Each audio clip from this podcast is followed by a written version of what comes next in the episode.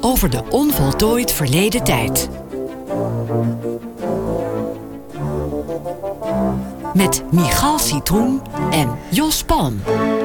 Welkom terug bij OVT. Vandaag nog een enigszins aangepaste uitzending aan het begin van het nieuwe jaar, want onze documentaire serie Het Spoor Terug neemt dit keer het hele uur voor zijn rekening met een historisch zeer verantwoord hoorspel.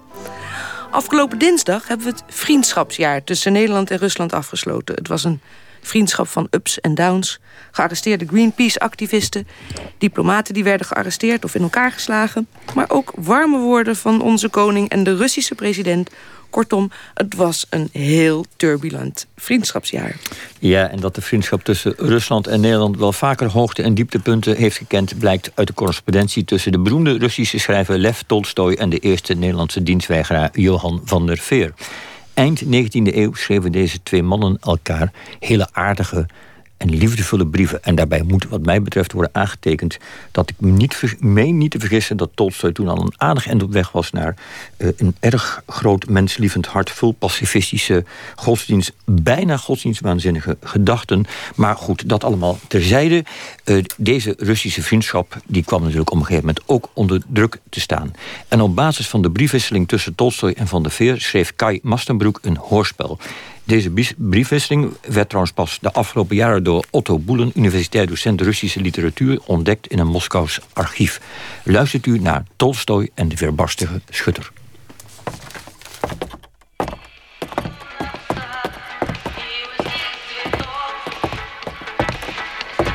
Садитесь. Спасибо. Ты смотри за ним. Я у директора спрошу, что с ним делать. Хорошо. Het gaat toch altijd weer anders dan je denkt. Wat dat betreft zijn Russische musea een belevenis op zich. Можно вас на минуточку? Конечно. Ik ben in het Tolstoy Museum in Moskou. Geheel gewijd aan de beroemde Russische schrijver en denker. En ik word momenteel in de vestibule bewaakt door een vrouwelijke militie. Met een kalasjnikov, een kogelvrij vest, pumps en knalrode lippenstift op. Здравствуйте. Здравствуйте. Dit museum was de residentie van de Tolstoy-familie in Moskou. Lev Tolstoy zat zelf liever op het landgoed Jasnaya Poljana... 150 kilometer naar het zuiden. Daar heeft hij het grootste deel van zijn leven gewoond. Alleen winters verbleef hij met tegenzin in deze residentie. Dat kwam door zijn vrouw, Sofia Andreevna. Zij woonde graag op stand en weigerde de lange winters op het platteland door te brengen. Hier in Moskou wordt het Tolstoy-archief bewaard. Zijn handschriften en de duizenden brieven die hij in de loop der jaren vanuit Rusland en daarbuiten ontving. En ik ben op zoek naar brieven. Tolstoy was niet alleen een wereldberoemd schrijver, dankzij romans als Oorlog en Vrede en Anna Karenina. Hij was rond 1900 vooral een beroemd denker en activist. En ik ben in Moskou voor mijn onderzoek naar de correspondentie tussen Tolstoy en zijn Nederlandse volgelingen. De meeste Tolstoyanen in Nederland waren linkse intellectuelen... en de correspondentie gaat vooral over het christenanarchisme. Zo noemde men Tolstoys gedachtegoed omdat hij tegen de kerk was... maar hij geloofde heilig in de christelijke principes van naaste liefde en geweldloosheid. Tolstoy had in Nederland veel aanhangers... maar eentje krijgt wel heel speciale brieven van hem. Een zekere Johan van der Veer. Van der Veer is de geschiedenis ingegaan als de eerste Nederlandse dienstweigeraar. De brieven die Tolstoy aan hem schrijft lijken wel liefdesverklaringen. Jasnaya Paliana, 4 september 1896. Dierbare vriend, mogen God u steunen bij de beproevingen die u te wachten staan. En weet dat er mensen zijn die uw daad hoog aanslaan en u liefhebben. Van alle kanten barst de strijd los uw dienstweigering is volgens mij van grote betekenis. Ik kus u, uw vriend Tolstoy. Dit was een fragment uit de eerste brief van Tolstoy aan Johan van der Veer. Maar er volgen er meer. Waar heb ik ze... Ik wil van der Veer voor mijn onderzoek gebruiken. Maar dan heb ik de brieven nodig die hij aan Tolstoy heeft geschreven. Die zijn nergens gepubliceerd. Als ik de eerste ben, kom ik nog eens ergens met mijn onderzoek. Maar voorlopig weet ik niet eens of ze überhaupt nog bestaan. En daarom ben ik hier, in het Tolstoy Museum. Ik ben op de terugweg van een gastdocentschap in Omsk... en ik heb eigenlijk maar één dag hier. En wat blijkt, het museum is vandaag op een gewone donderdag gesloten voor publiek. Vanwege een inventarisatie of zo. Omdat ik morgen terugreis naar Nederland... gaan ze kijken of ik toch het archief in mag. Ну вот, начальство разрешило. Пойдемте. Спасибо. Ik ben goedgekeurd. Какая там фамилия? Johan van der Veer. Йоган ван дер Веер? Johan van der Veer. Такой никогда не слыхала. Подождите здесь. Спасибо. Nou, dat klinkt niet hoopvol. Nog nooit van Johan van der Veer gehoord. De eerste keer dat ik zijn naam tegenkwam was in een brief van de Amsterdamse journalist Frederik van Duil, gericht aan Tolstoj. Van Duil was een fervent Tolstoyaan. Hij schreef minstens 33 lange, hoogdravende brieven aan Tolstoj. Die nam niet altijd de moeite om te reageren. Tolstoj schrijft ergens dat hij zich ongemakkelijk voelt bij de mateloze bewondering van Van Duil. Maar één brief van augustus 1896 heeft direct zijn volledige aandacht. Amsterdam, 30 augustus 1896. Waarde Tolstoj. Ik wil u van een heugelijk gebeurtenis op de hoogte stellen... die onlangs in het zuiden van Nederland heeft plaatsgevonden. Een dappere socialist, Johan van der Veer... heeft geweigerd op te komen voor zijn dienstplicht. Wat u reeds voorspelde vindt heden in mijn land plaats. Jonge mannen weigeren nog dienst te doen... in de oorlogsmachine van de regering. Volgens Tolstoj verdragen naaste liefde en geweldloosheid zich slecht met het idee van een staat en een krijgsmacht. En hij had voorspeld dat de mensen vroeger of later in opstand zouden komen tegen de dienstplicht. De dienstweigering van Van der Veer was precies waarop Tolstoj zat te wachten. En zo ontstond de correspondentie tussen de twee mannen, waar ik dus alleen Tolstojs brieven van heb. Uit wat ik al heb gevonden over Van der Veer blijkt dat hij een curieuze levensloop heeft. Zijn ouders waren arme sloebers die geen geld hadden voor school. Op zijn zeventiende was hij al socialistisch agitator... en in 1896 kreeg hij nationale bekendheid als Nederlands eerste dienstweigeraar. Dan begint een reeks van curieuze transformaties. Als de Eerste Wereldoorlog uitbreekt ontpopt hij zich als Havik... die de geallieerde strijd tegen Duitsland van harte steunt. De informatie die ik nu heb biedt te weinig aanknopingspunten... om de gigantische ommezwaai van Van der Veer te verklaren. Ik hoop hier wat hints te vinden in de brieven die hij aan Tolstoj schreef. Извините. Ah, het moment van de waarheid. Heeft de brieven gevonden. Писем от вашего Вандервейра я еще не нашла. А вот эту книжку вы знаете? Нет, не знаю. Спасибо. Я еще поищу. Nog geen brieven van Van der Veer. Ze gaat verder zoeken. Ze geeft me wel een brochure. een van Obsies Venam Dvizenji Galandi. Oftewel, over een nieuwe maatschappelijke beweging in Nederland. Oh, hé, hey, dit is zeker interessant.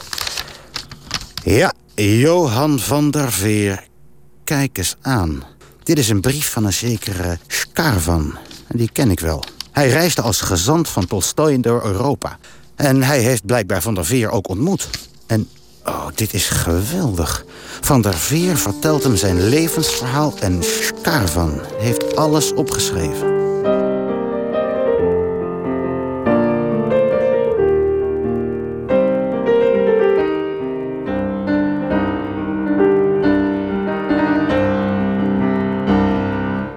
Mijn naam is Johan Koenraad van der Veer.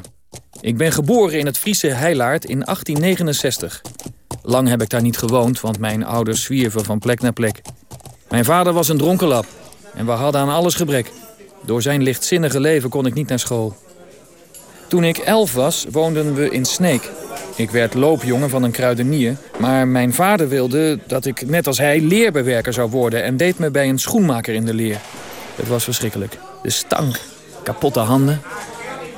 Vanaf mijn twaalfde nam mijn vader me mee naar de kroeg. Ik werd zijn vaste drinkenbroeder. Twee jaar lang liep ik met mijn vader alle dranklokalen af. En wat ik daar zag, vond ik zo afstotend dat ik besloot om niet meer met mijn vader mee te gaan. En op mijn veertiende ben ik gestopt met drinken en roken. En daarmee begint een nieuwe fase in het jonge leven van Johan. Hij krijgt een leerplek bij een drukker en leert lezen. Ik heb mij altijd tot een moreel goed leven aangetrokken gevoeld. Om meer boeken te kunnen lezen, ging ik in de drukkerij werken als zetter. Hij leest vooral socialistische en populair wetenschappelijke boeken... en ontpopt zich als activist. Samen met vijf vrienden richt hij een socialistische jongelingsvereniging op. Hij is dan net 15. De eigenaar van de drukkerij ziet het activisme van de jonge Van der Veer door de vingers. Maar als hij hoort dat Van der Veer een toespraak heeft gehouden... tijdens een bijeenkomst tegen kinderarbeid, is de maat vol. En wordt Johan na vijf jaar op de drukkerij ontslagen. Mei 1889 moet Van der Veer in dienst. Hij meldt zich vrijwillig, maar blijkt een lastige klant voor zijn officieren. Soldaat Van der Veer, u bent op rapport gezet vanwege het dragen van een uniform tijdens een illegale bijeenkomst. Is dit correct? Het was een legale bijeenkomst, luitenant, over de afschaffing van vrouwen- en kinderarbeid. Verboden voor jou, Kuiken. De krijgsmacht doet niet aan politiek. De positie... Zwol houden, drie weken zwaar. Van der Veer maakt zich ook druk over de slechte leefomstandigheden voor de dienstplichtigen. Het duurt niet lang voordat hij probeert een soldatenvakbond op te richten. Van der Veer, melden bij de luitenant. Van der Veer. Ik heb hier een stapel politieke pamfletten voor de Socialistische Partij. Jij hebt zeker geen idee wie deze kontvegers naar de kazerne heeft gebracht. Luitenant, permissie tot spreken. Volhouden. Vier weken zwaar. Na een jaar zit Van der Veers diensttijd erop. Hij blijft wel betrokken bij de oprichting van de Voorpost... de eerste bond van militairen. Hij schrijft zijn eerste pamfletten en is inmiddels een geliefd spreker bij socialistische bijeenkomsten. Ik rook niet, snuif niet, gebruik geen sterke dranken, bier of tabak, zelfs geen vlees. Zou er nu wangunst bij mij ontstaan omdat anderen dat wel gebruiken? Of zou ik wangunst... Een van de mensen op deze bijeenkomst is de legendarische Ferdinand Domela Nieuwenhuis. Oud-dominee en een van de grondleggers van de socialistische beweging. Hij heeft talent. Ik heb al eerder gezien hoe hij een zaal kan bespelen. Op zijn vijftiende was hij al in de weer met een jongerenvakbond. Zo'n drommelse uitslover. Ja, ja, ja, maar we hebben zulke mannen nodig. Een beetje onrust doet onze beweging geen kwaad. Laat ze voelen dat we er zijn. Bevrediging hunner behoeften. En Van der Veer kan inmiddels wel voor onrust zorgen. Voorlopig hoogtepunt is zijn confrontatie met de burgemeester van Franeker tijdens een raadsvergadering. Er is hier sprake van een misverstand. U heeft de stadsomroeper omgekocht. Daarom zijn de proclamaties van onze socialistische partij niet opgehangen. U bent een zwendelaar. Agent, arresteer die man.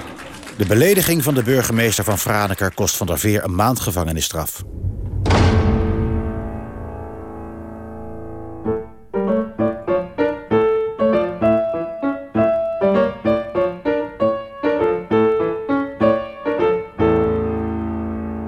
Voorjaar 1891. Domela Nieuwenhuis gebruikt Van der Veer inmiddels als rondreizende agitator voor de socialistische zaak. Eerst helpt Van der Veer de socialistische voorman Willem Vliegen in Limburg. Dan gaat hij naar Gent om te helpen met de oprichting van een Belgische drukkersvakbond. Elke heersende of regerende klasse is uit de aard haar heerschappij conservatief. Ze tracht te behouden wat ze heeft, in stand te doen blijven wat bestaat. In Gent gaat Van der Veer weer werken bij een drukkerij. Maar als zijn patroon ontdekt dat hij een vakbondsactivist is... wordt hij ontslagen en aangegeven bij de politie. De Belgische regering neemt zelfs een officieel besluit van de Veer te verbannen. Die beschrijft zijn avontuur later in een klein boekje met de titel... Mijn verbanning uit België. Hij publiceert dan al regelmatig activistische werkjes. Op zekere dag werd ik ontboden op het commissariaat van politie. Waar mij bekend werd gemaakt dat in de ministerraad in België een besluit was genomen... terwijl ik was ondertekend door de koning van België. Hele eer. Dat mij het langere verblijf op Belgisch grondgebied ontzegd werd... met verbod er ooit in de toekomst terug te keren. Men achtte mijn optreden staatsgevaarlijk, omdat ik het volk van recht en belangen sprak en tot hun woorden van verbroedering en liefde voor de mens richtte. Zie, diezelfde bourgeoisie wier macht steunt op een leger van honderdduizend politiemannen en soldaten, beeft en siddert voor de redenvoeringen van een 23-jarige socialist. Op de dag dat Van der Veer het land moet verlaten... nemen de Belgische autoriteiten geen risico's. Er werd een piket van 25 gendarmes gecommandeerd. Daarna werd ik geboeid met een paar flinke kettingen... en al dus tussen vier gewapende gendarmen in een rijtuig gezet... terwijl de anderen om en bij dat rijtuig liepen. Aan beide zijden van de weg stond het volk mij toe te wuiven en te juichen... en ik, de mensen een laatste vaarwel willende geven... wuifde met mijn geboeide handen. Terwijl de mensen leven het socialisme juichten, werd ik naar de trein gebracht. Pas in het Belgische grensstation Erschen werden mij de boeien afgedaan... en verlieten de gendarmes de wagon. Meende de Belgische regering het socialisme te treffen met mijn verbanning? Dwaze mening. Socialisme is geen nationale zaak. Evenmin als onze strijd en propaganda het is. Overal waar mensen wonen die lijden aan armoede en ellende... klinkt het woord van de socialistische apostel zoet. Niet lang na zijn tumultueuze vertrek uit België... meldt Van der Veer zich bij Domela Nieuwenhuis. Welkom. De verloren zoon is terug in Nederland. Goed u weer te zien, Van der Veer. De socialistische beweging heeft mannen zoals jij nodig. Daarom wil ik dat je voor ons in Middelburg gaat wonen. De vakbond staat daar nog in de kinderschoenen. Ik heb gezien hoe jij de arbeider kan bereiken. Dank u. Je krijgt van ons geld om een drukkerij te vestigen... en geld voor uitgaven van een socialistisch weekblad. Heb je geld nodig voor een verhuizing? Ben getrouwd? Ik zag dat je hier bent met een vrouw. Ja, mijn vrouw uh, wacht op de gang. Haal haar binnen. Gusta, meneer Nieuwenhuis uh, wil je graag ontmoeten. Dit is mijn vrouw, Augusta. Goedendag, mevrouw van der Veer. Goedendag, meneer. Ze komt uit Duitsland. Ze woonde met haar anarchistische ouders in Berlijn... maar die zijn door de politie zonder gronden in het gevangen gezet. Gusta wist net op tijd uit te wijken. Uw man gaat voor ons in Middelburg wonen. Niet ver van de zee. Het is een eer voor ons, meneer. Zeg hem dat we geld brauchen. Laat het rusten, vrouw. Maakt u zich geen zorgen. Keine zorgen. Uw man krijgt voldoende geld van de beweging om te kunnen leven. Samen met u natuurlijk. Ik zal u niet teleurstellen.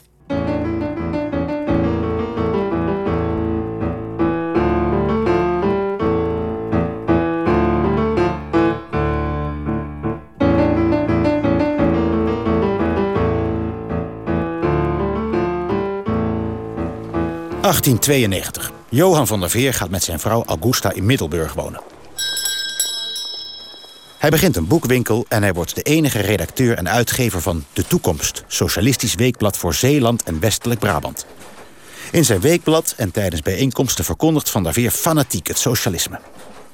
Vooral in ons land, waar men zo hoog durft op te geven van de ontwikkeling des volks... is het treurig gesteld.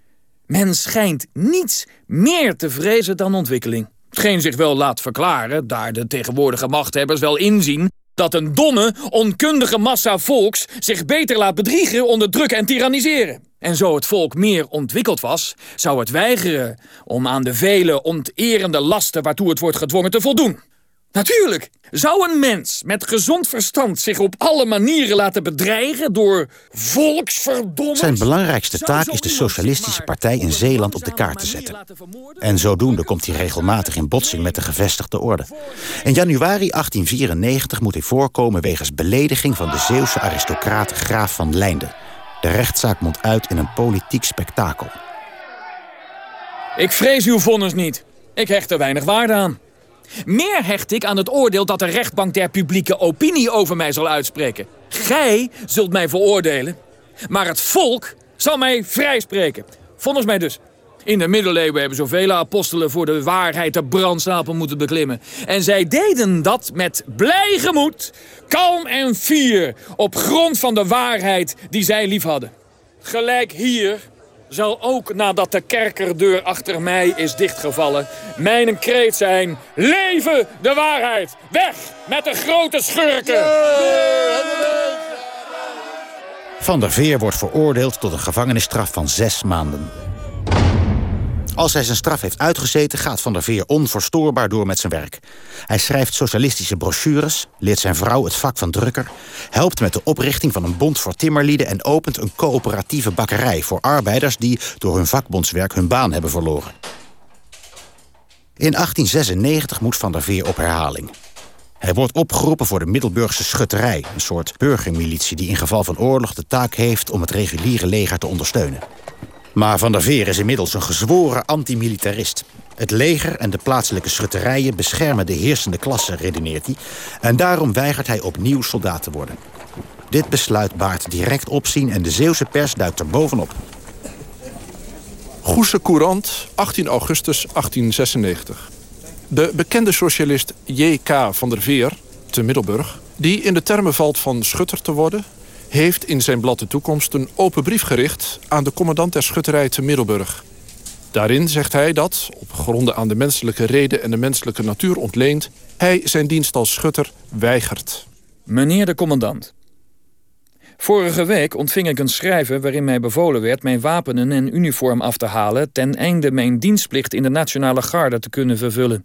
Zoals u waarschijnlijk hebt gemerkt, ben ik niet verschenen. U kunt mij straffen, maar dat boezemt mij geen angst in.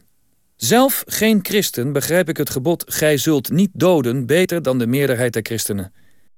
Toen ik nog een jongeling was, liet ik mij het soldatenvak bijbrengen, de kunst van het doden. Maar nu weiger ik. Waarom zouden we elkander voor de gek houden, meneer de commandant? Ziet u dan niet welke rol uw nationale garde tijdens de laatste staking in Rotterdam heeft gespeeld? De Rotterdamse schutterij moest opdraven om de eigendommen van belaagde handelsfirma's te beschermen. Op grond van deze redenen, maar vooral omdat ik het doden op bevel verafschuw, weiger ik dienst te doen in de hoedanigheid van schutter van de Nationale Garde. Ik groet u, meneer de commandant. J.K. van der Veer. Sinds de invoering van de algemene dienstplicht onder Napoleon in 1810 beschouwt men alleen gewetensbezwaren voortkomend uit een religieuze levensvisie als legitieme grond om militaire dienst te weigeren. Van der Veer is echter atheïst en beroept zich op zijn eigen geweten.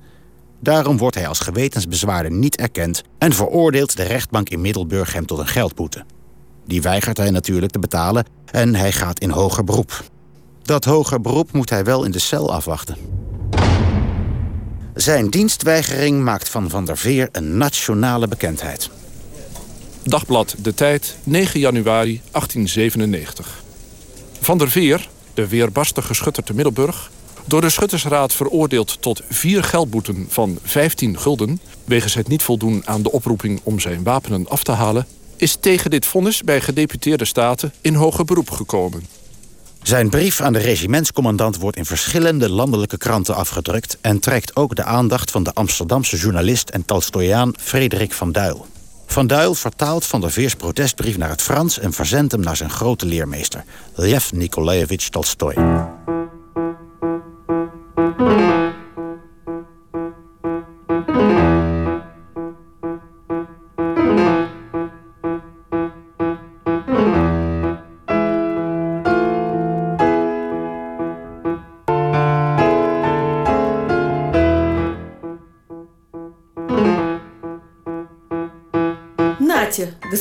господин исследователь из Голландии. Письма Вандервеера Льву Николаевичу Толстому. Правда? Вот это здорово. Ongelooflijk. Dit zijn de brieven van Van der Veer aan Tolstoy. Ze zijn dus bewaard gebleven. Even kijken. Ja, bingo. Ik tel er zo snel tien. Nee, elf. En ze zijn best lang, geen kattenbelletjes. Спасибо. Огромное спасибо. Я еще посмотрю. Kijk, ik heb hier... Ja, hmm. Dit is de eerste brief van Van der Veer aan Tolstoy. Om te begrijpen waar het om gaat, moet ik eerst vertellen waarom Van der Veer deze brief schreef. Die brief die Van der Veer aan de commandant van de schutterij had geschreven... de fameuze weigeringsbrief... bereikte Tolstoy dankzij de Amsterdamse journalist Frederik van Duil. Tolstoy reageerde daarop met een sympathiebetuiging. Jasnaya Paljana, 4 september 1896. Aan Johan van der Veer.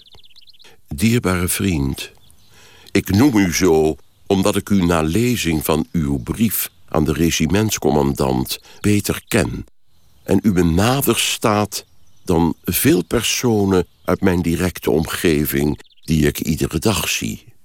Wat mij vooral in uw brief beviel, was dat u op de zinloosheid, de vreedheid en de lafhartigheid van het doden op bevel hebt gewezen. Moge God, de God die uw geweten bestiert en u deze daad heeft ingegeven, u steunen bij de beproevingen die u te wachten staan. En weet dat er mensen zijn die uw daad hoog aanslaan en u liefhebben. Van alle kanten barst de strijd los en uw weigering is volgens mij van grote betekenis. Omdat ik uw brief de grootst mogelijke ruchtbaarheid zou willen meegeven, verzoek ik u mij mede te delen of u daar bezwaar tegen hebt. Ik kus u, uw vriend Tolstoy. En hier heb ik nu de reactie van Van der Veer. Geschreven december 1896. Dat is bijna vier maanden later. Waarom... Oh, ah, hij heeft gewacht tot hij weer vrij was. Middelburg, 20 december 1896. Dierbare vriend Tolstoy. U vroeg in uw schrijven naar mijn situatie en ik zal deze toelichten. Ik ben onlangs gearresteerd. Ik zat twee maanden in de gevangenis. Daarna nog een termijn van zes maanden in het huis van bewaring... op een menu van brood, daar ik vlees toch vis eet. En nog heb ik de hele straf uitgezeten. Heden te dagen ben ik weer een vrij man, maar niet echt vrij. Ik kan elk ogenblik opnieuw worden vastgenomen. Vorige week stond men mij opnieuw maar liefst vier oproepen... om mij te melden bij de commandant van de schutterij. Maar ik zal nooit nog een geweer in de hand nemen. Ik wil geen moord plegen. En nog minder mijn medemensen doden die ik moet en wil liefhebben.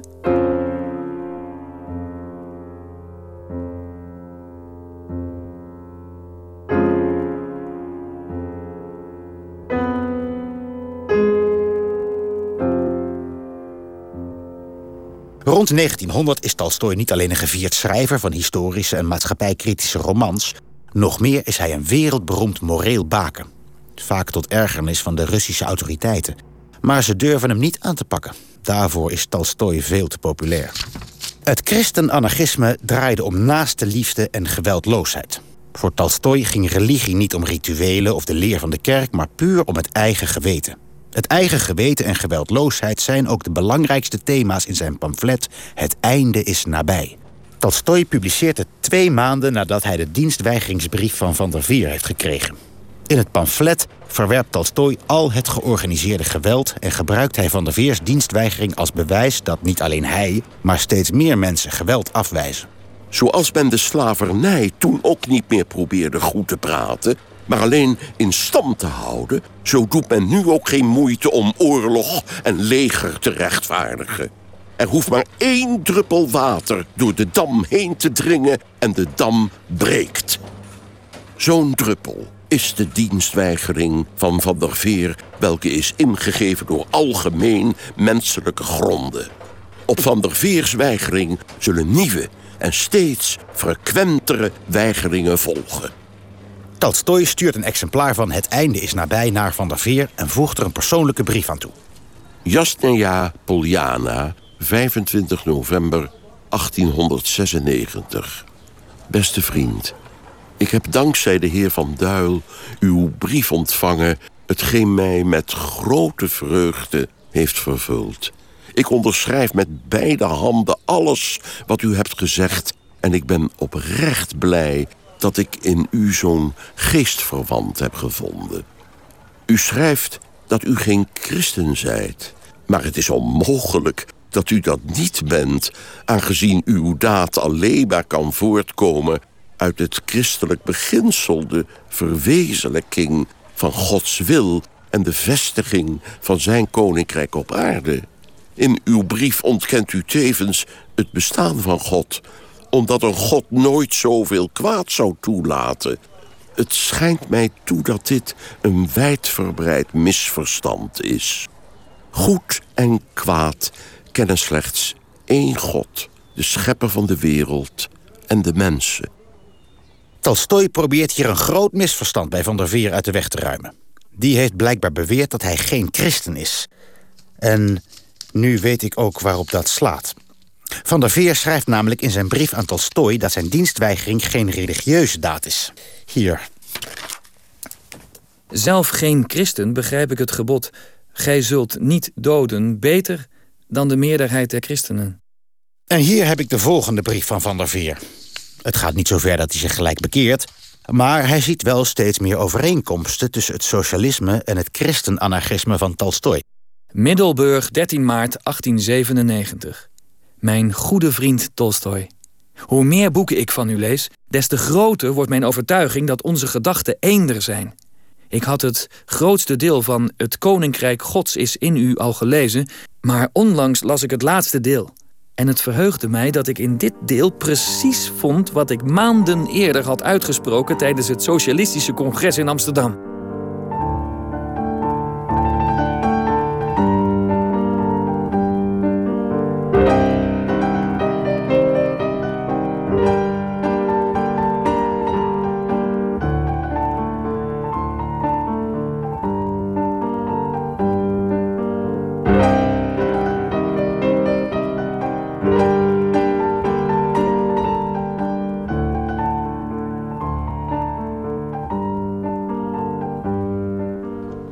Ondanks de vriendschap met Tolstoj zit het Van der Veer niet mee. De Zeeuwse politie houdt hem nog steeds in de gaten en daarom zwerft hij door het land. Hij kan voor het minst of geringste weer in de cel worden gegooid... omdat hij zijn straf nog niet heeft uitgezeten. Ten einde raad gaat hij langs bij Van Duil... de Amsterdamse journalist en aanhanger van Tolstojs ideeën. Kan ik u helpen? Meneer Van Duil? Ja? Een, een goede dag, ik ben Johan van der Veer. Wie? Ah, u bent de beroemde van der Veer. En weer vrij man. Ja, ik ben alweer een tijdje vrij. Ach, kom binnen. Wat kan ik voor u doen? Uw daad heeft veel indruk gemaakt op Tolstoj. Ja, ik krijg nog steeds brieven van hem. Meneer Van Duil, ik word nog steeds door de Zeelse politie in de gaten gehouden. En ik krijg nog regelmatig een oproep mij te melden. Ik negeer ze, want de rest van mijn onterechte strafuitzitten valt me zwaar. Te zwaar. Mijn beste Van der Veer, vredelievende mensen zoals wij behoren niet in de gevangenis. Wat kan ik voor u doen? U heeft connecties en relaties, meneer Van Duil. In Middelburg kan ik niet meer werken en ik heb mijn laatste geld aan een werkloze stakingsleider gegeven. U ziet, als u mij aan betaalde arbeid kan helpen. Ik ben een ervaren zetter en drukker. En u bent vaardig met de pen. En dat kan onze beweging goed gebruiken. Ik zal eens kijken wat ik voor u kan doen. Van Duil introduceert Van der Veer in de inner circle van de christen-anarchistische beweging in Nederland. Belangrijkste vertegenwoordigers zijn de waterstaatkundig ingenieur Felix Ort, dominee Louis Beler en Lodewijk van Mierop. Heren, we hebben al lang op een mogelijkheid gewacht om een periodiek te starten voor de christen-anarchistische beweging. En mij lijkt de tijd rijp voor een doortastend initiatief van onze kant. De heren besluiten dat dit het juiste moment is voor een eigen weekblad. En op 18 oktober 1897 gaat het eerste nummer van Vrede ter perse. Orgaan tot de bespreking van den praktijk der liefde. Van der Veer schrijft het openingsartikel. Geliefde medemensen, wij hebben u wat te zeggen. Gewichtige dingen. Een en ander waarmee samenhangt het persoonlijk geluk van u en aller heil. Wij willen u boodschappen datgene waarvan wij menen dat het inderdaad vrede kan brengen. In uw gemoed, met de medemensen, met alles wat ademt.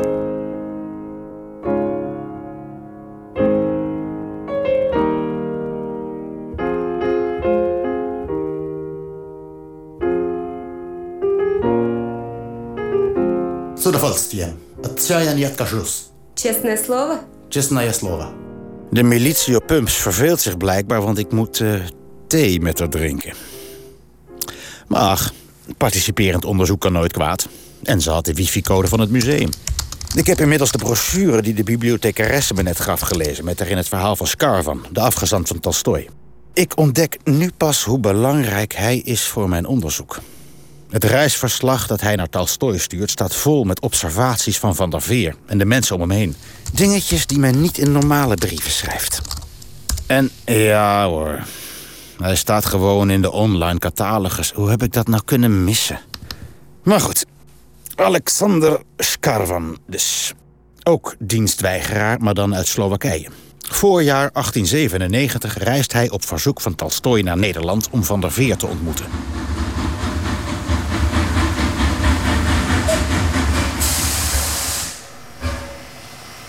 Mijn beste Lev Nikolaevich. Het eerste reisdoel in Nederland was Middelburg. Maar Johan van der Veer is na zijn vrijlating uit de gevangenis spoorslags vertrokken.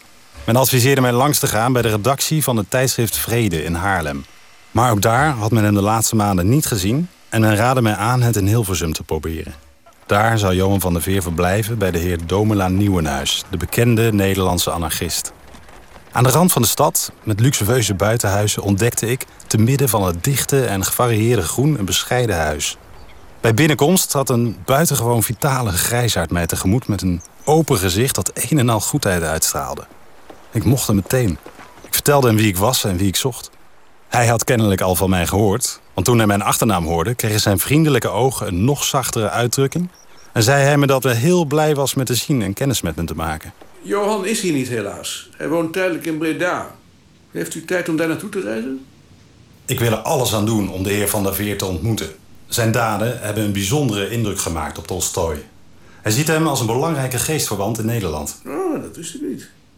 Ja, ik was ook bijzonder ingenomen met zijn inzet. Maar ik ben inmiddels in rusten. Uw Tolstoy was schrijver en werd ideoloog. Ik was ideoloog en ben nu schrijver geworden. Ik kwam in Breda aan en daar had ik een ontmoeting met de echtgenote van Van der Veer. Ze was ingetrokken bij een oude vriend van haar man. Van der Veer zou de volgende dag komen. Augusta van der Veer is een eenvoudige, onderdanige vrouw die haar echtgenoot zeer toegedaan is. Maar ze volgt de dappere en vastberaden van der Veer niet zonder een zekere dubbelhartigheid.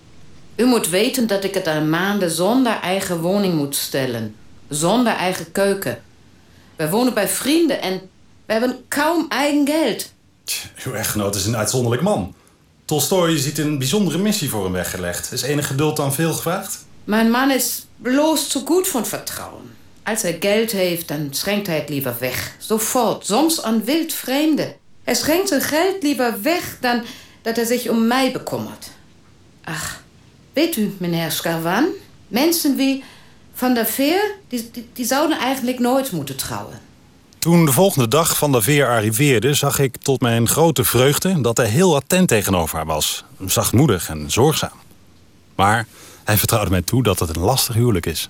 Ze boekt vooruitgang, maar het valt hun zwaarder dan ons om zich van het materiële los te maken en alleen het geestelijke te volgen. Waarom valt het vrouwen moeilijker? Ja, naar mijn mening is het een slechte opvoeding van vrouwen. Ja, vergeet niet dat zij hun hele leven aan het knechtschap onderworpen zijn. Van der Veer ziet er tamelijk onooglijk uit. Zijn magere gezicht zit onder de sproeten. Er is niets in zijn aard dat hem zou kunnen isoleren van andere mensen. Wat voor richting ze ook aanhangen. Hij discussieert heel veel en altijd met volle overgave. Nochtans weet hij soms niet van ophouden. Er deed zich tussen mij en Van der Veer iets voor... wat je zelfs onder geestverwanten niet altijd tegenkomt. Wij voelden elkaars ziel.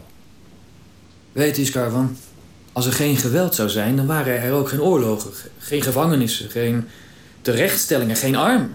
En met dat doel voor ogen maakte ik ooit propaganda voor het socialisme onder de soldaten. Toen ik werd opgeroepen voor de schuttersdienst, weigerde ik de wapens op te nemen. Was u niet bang voor de mogelijke gevolgen van uw daad? Ik geloof niet dat ik over de gevolgen heb nagedacht. Toen ik in de gevangenis zat, stuurde Van Del mij een exemplaar van Het Koninkrijk Gods is in u van meester Tolstoy. Hij heeft me erg geholpen door een bredere horizon voor me te openen.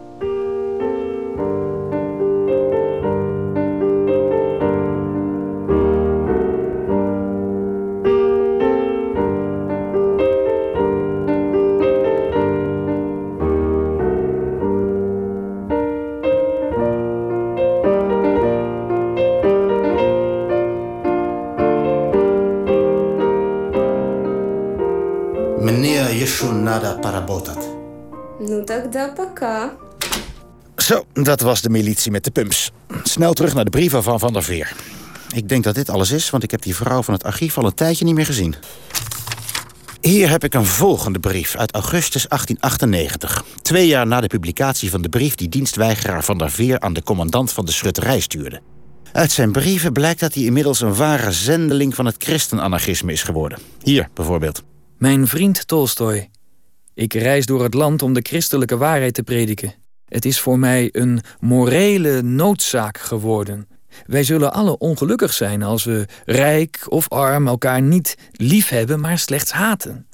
Nog de bestudering van de wetenschappen, nog het liefdadigheidswerk, nog een leven in luxe zullen ons gelukkig maken. Alleen leven in de geest van liefde brengt het ware levensgeluk.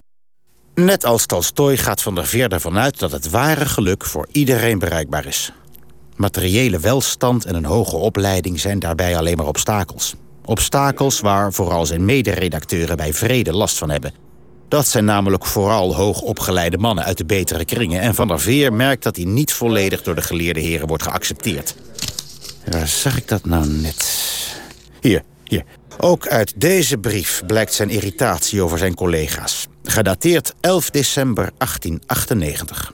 Het is mij duidelijk dat de grote leiders als Lao Tse, Jezus en Boeddha ook geen geleerde mensen waren. Geleerd zoals onze professoren dat zijn. Ik geloof dat wijsheid nuttig is in het leven, maar dan liever het gezond verstand van eenvoudige zielen dan de wijsheid van zogenaamde geleerde mensen. Naast de ergernis over zijn collega's bij het tijdschrift Vrede... zijn er nog de problemen met de autoriteiten. Hij moet nog steeds een deel van zijn straf uitzitten. Daarom neemt hij begin 1899 een drastisch besluit en vlucht met zijn vrouw naar Engeland. Van der Veer wil zich in Engeland vestigen in een Tolstoyanenkolonie in Purley, vlak onder Londen. Hij hoopt hier ongestoord het Tolstoyanisme in praktijk te kunnen brengen. Je zal het hier zeker interessant vinden.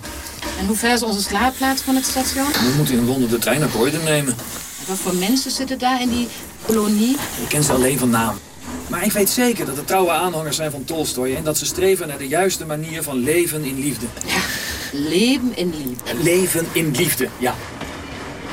In de kolonie in Purley probeert een groep Tolstoyanen te leven volgens de richtlijnen van de meester.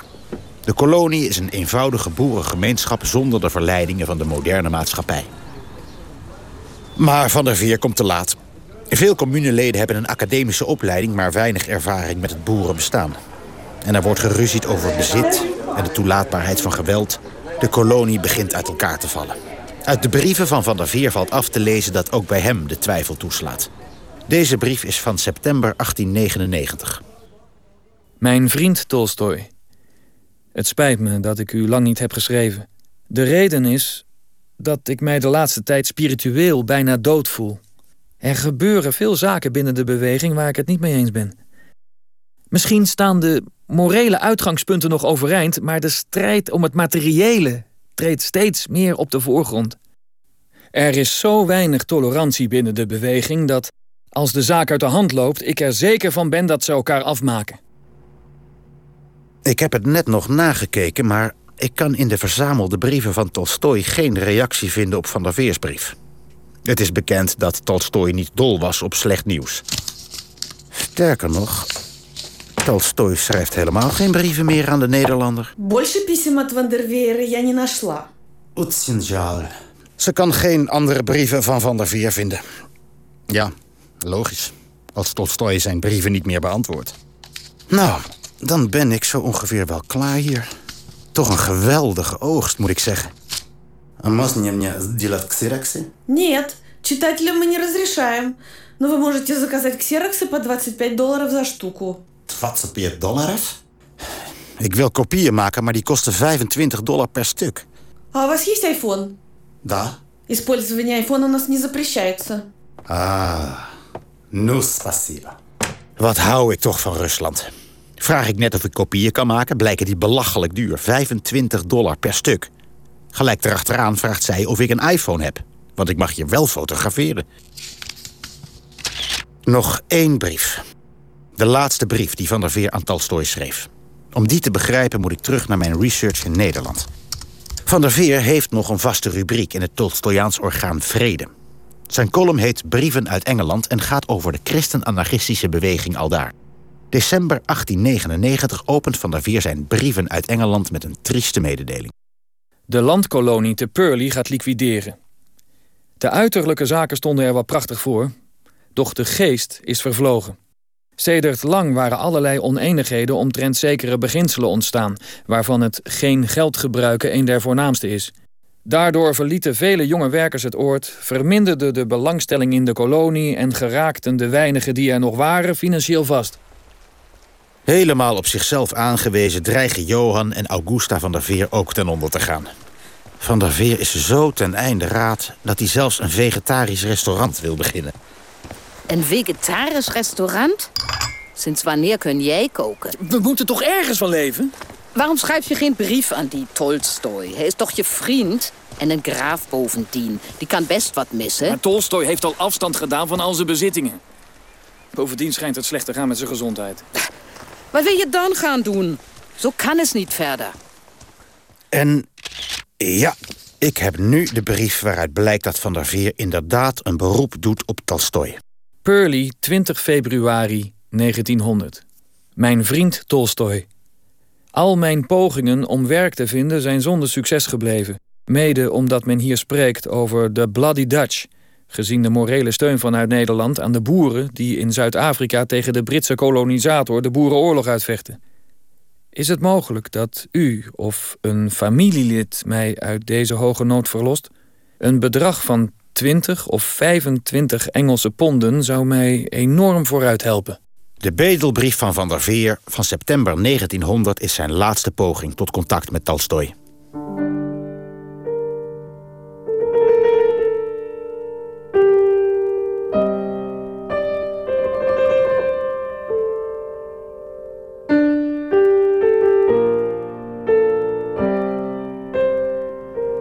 Heb ik nu echt alles? Ja, ja, volgens mij wel. Музей закрывается. Я провожу вас. Het museum gaat dicht en ik word vriendelijk verzocht op te zouten. У меня все. Сопроводи его, а? Так вы закончили работу? Закончил. Угу.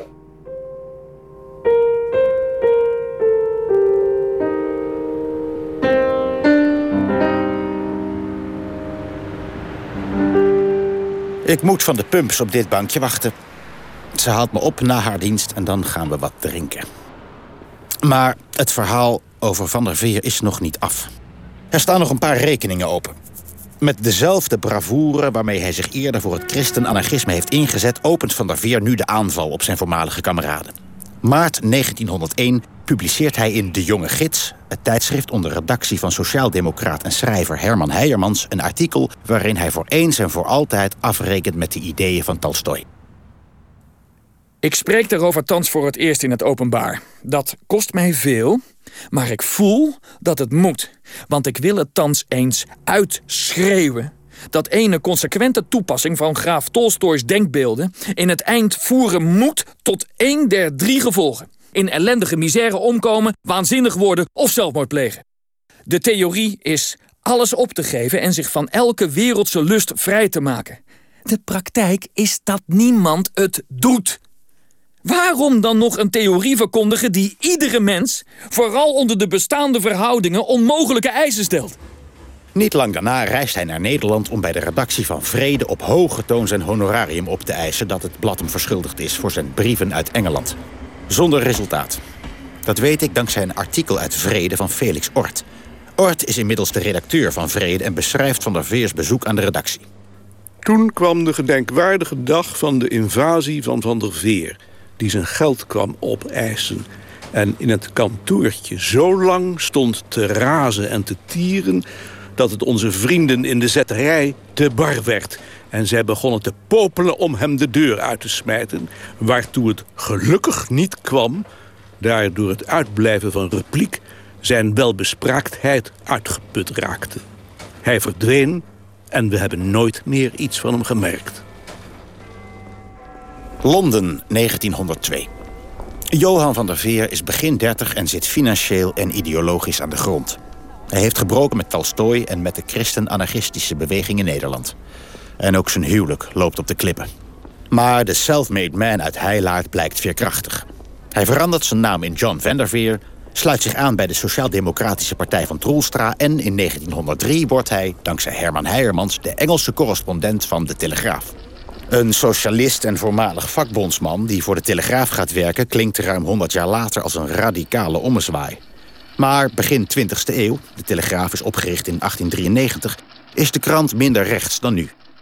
Van der Veer schrijft veel reportages over de armoede... en de vreselijke arbeidsomstandigheden in Engeland. Het publiek geweten moet nu en dan eens wakker worden geschud. Lange uren, hongerlonen.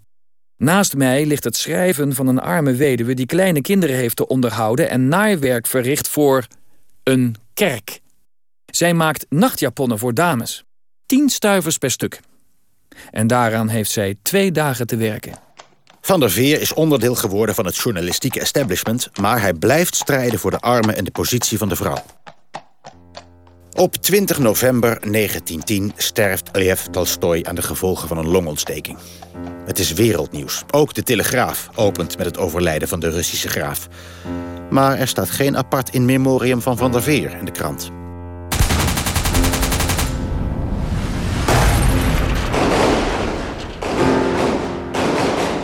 Vier jaar later breekt de Eerste Wereldoorlog uit. En dan blijkt hoe ver Van der Veer is afgedreven van Tolstojs pacifisme.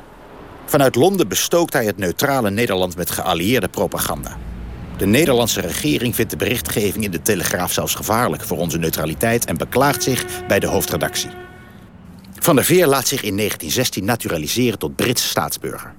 De voormalige dienstweigeraar wordt zelfs voorzitter van een comité... dat Nederland oproept mee te vechten aan de kant van de geallieerden. Als de Eerste Wereldoorlog is afgelopen... gaat Van der Veer ook schrijven voor Britse kranten... waaronder de linksliberale Daily Chronicle. En hij blijft correspondent voor de Telegraaf. 1922. Van der Veer is een hele meneer geworden... en treedt in het huwelijk met een Britse. Een jaar later wordt hij voorzitter van de Foreign Press Association in Londen. Een club van deftige journalisten die voor buitenlandse kranten werken. Maar hij kan maar kort van zijn gentleman-status genieten. Nieuwe Rotterdamse Courant, 31 augustus 1928. De heer J.C. van der Veer, oud-correspondent van de Telegraaf te Londen... is 56 jaar oud, plotseling aldaar overleden. Van 1903 tot 1925 is hij voor de genoemde krant in functie geweest. Tijdens de oorlogsjaren heeft hij veel gepubliceerd... ter verdediging van Engelands optreden. De Times en de Daily Telegraph herdenken van de Veer... welke diensten hij in de oorlog aan de geallieerde mogendheden heeft bewezen. Ach, daar komen de pumps aanlopen. Waar was ik ook alweer met mijn verhaal? Ach, ik was eigenlijk wel klaar. А вот и вы. Ну что ж, пошли. God на край света. Что же вы так интересуетесь русскими писателями? Разве у вас нет своих, голландских? Есть, конечно. Но меня интересует один голландец. Он переписывался с Толстым. Ах, вот как. Он был писателем? Нет, журналистом. Думаю, Толстой ему не часто писал. Голландцу-то вашему. Он ведь журналистов не любил. Этого он любил. Начале, по крайней мере.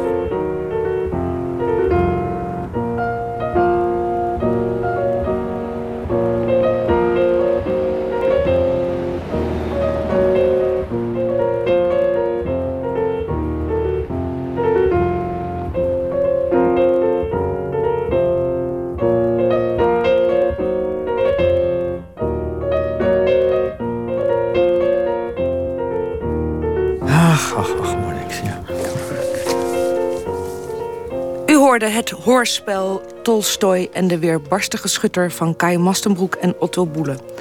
De belangrijkste stemmen die u hoorde waren Johan van der Veen, Bob Schwartze, de verteller Aus Schreidanus junior, Lev Nikolaevich Tolstoy, Jules Croiset, Domela Nieuwenhuis, Krijn ter Braak, archivaris Tolstoy Museum Nelly Dvorko, Militie Tolstoy Museum Maria Avagwimova.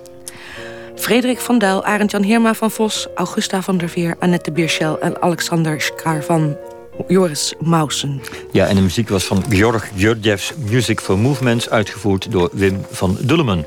En dit hoorspel is mede mogelijk gemaakt... dankzij bijdragen van het SNS Riaalfonds... het Wilhelmina E. Jansenfonds en het Croiset van der Kopfonds.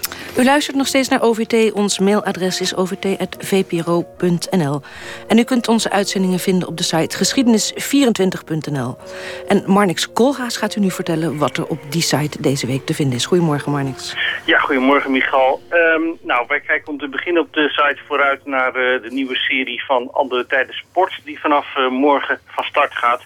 Vijf weken lang tot aan het begin van de Olympische Winterspelen in eh, Sochi. En daarom ook heel veel schaatsonderwerpen. We beginnen zondag met een programma onder de titel De Art en Casey Express...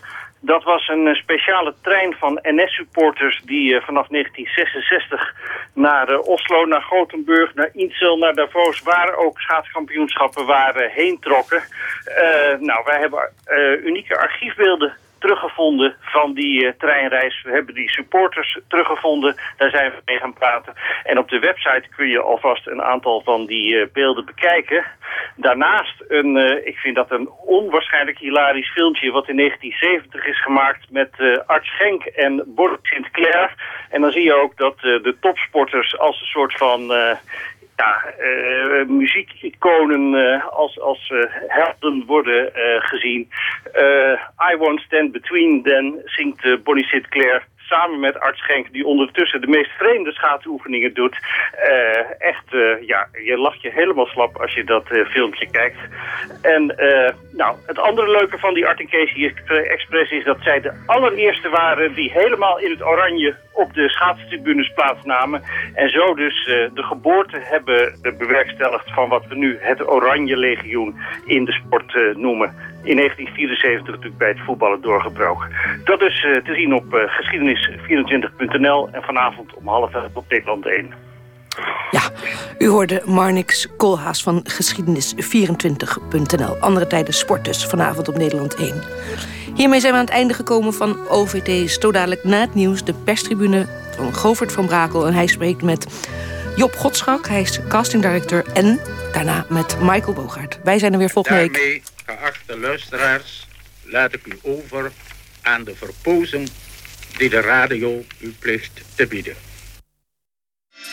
Nieuws heeft een nieuw geluid. De Israëlische oud-premier Sharon verkeert in levensgevaar. De Nieuws-PV. De kraan gaat open. Ga mee met de stroom. Met Willemijn Veenhoven. Faiza, ben je een beetje in shock of is het alweer helemaal normaal dat je terug bent? En Ja, wat denk je? Felix Murders. Natuurlijk. Wat is hier aan de hand? Nieuws heeft een nieuw geluid. Hou je vast, laat ons niet los. De Nieuws-PV.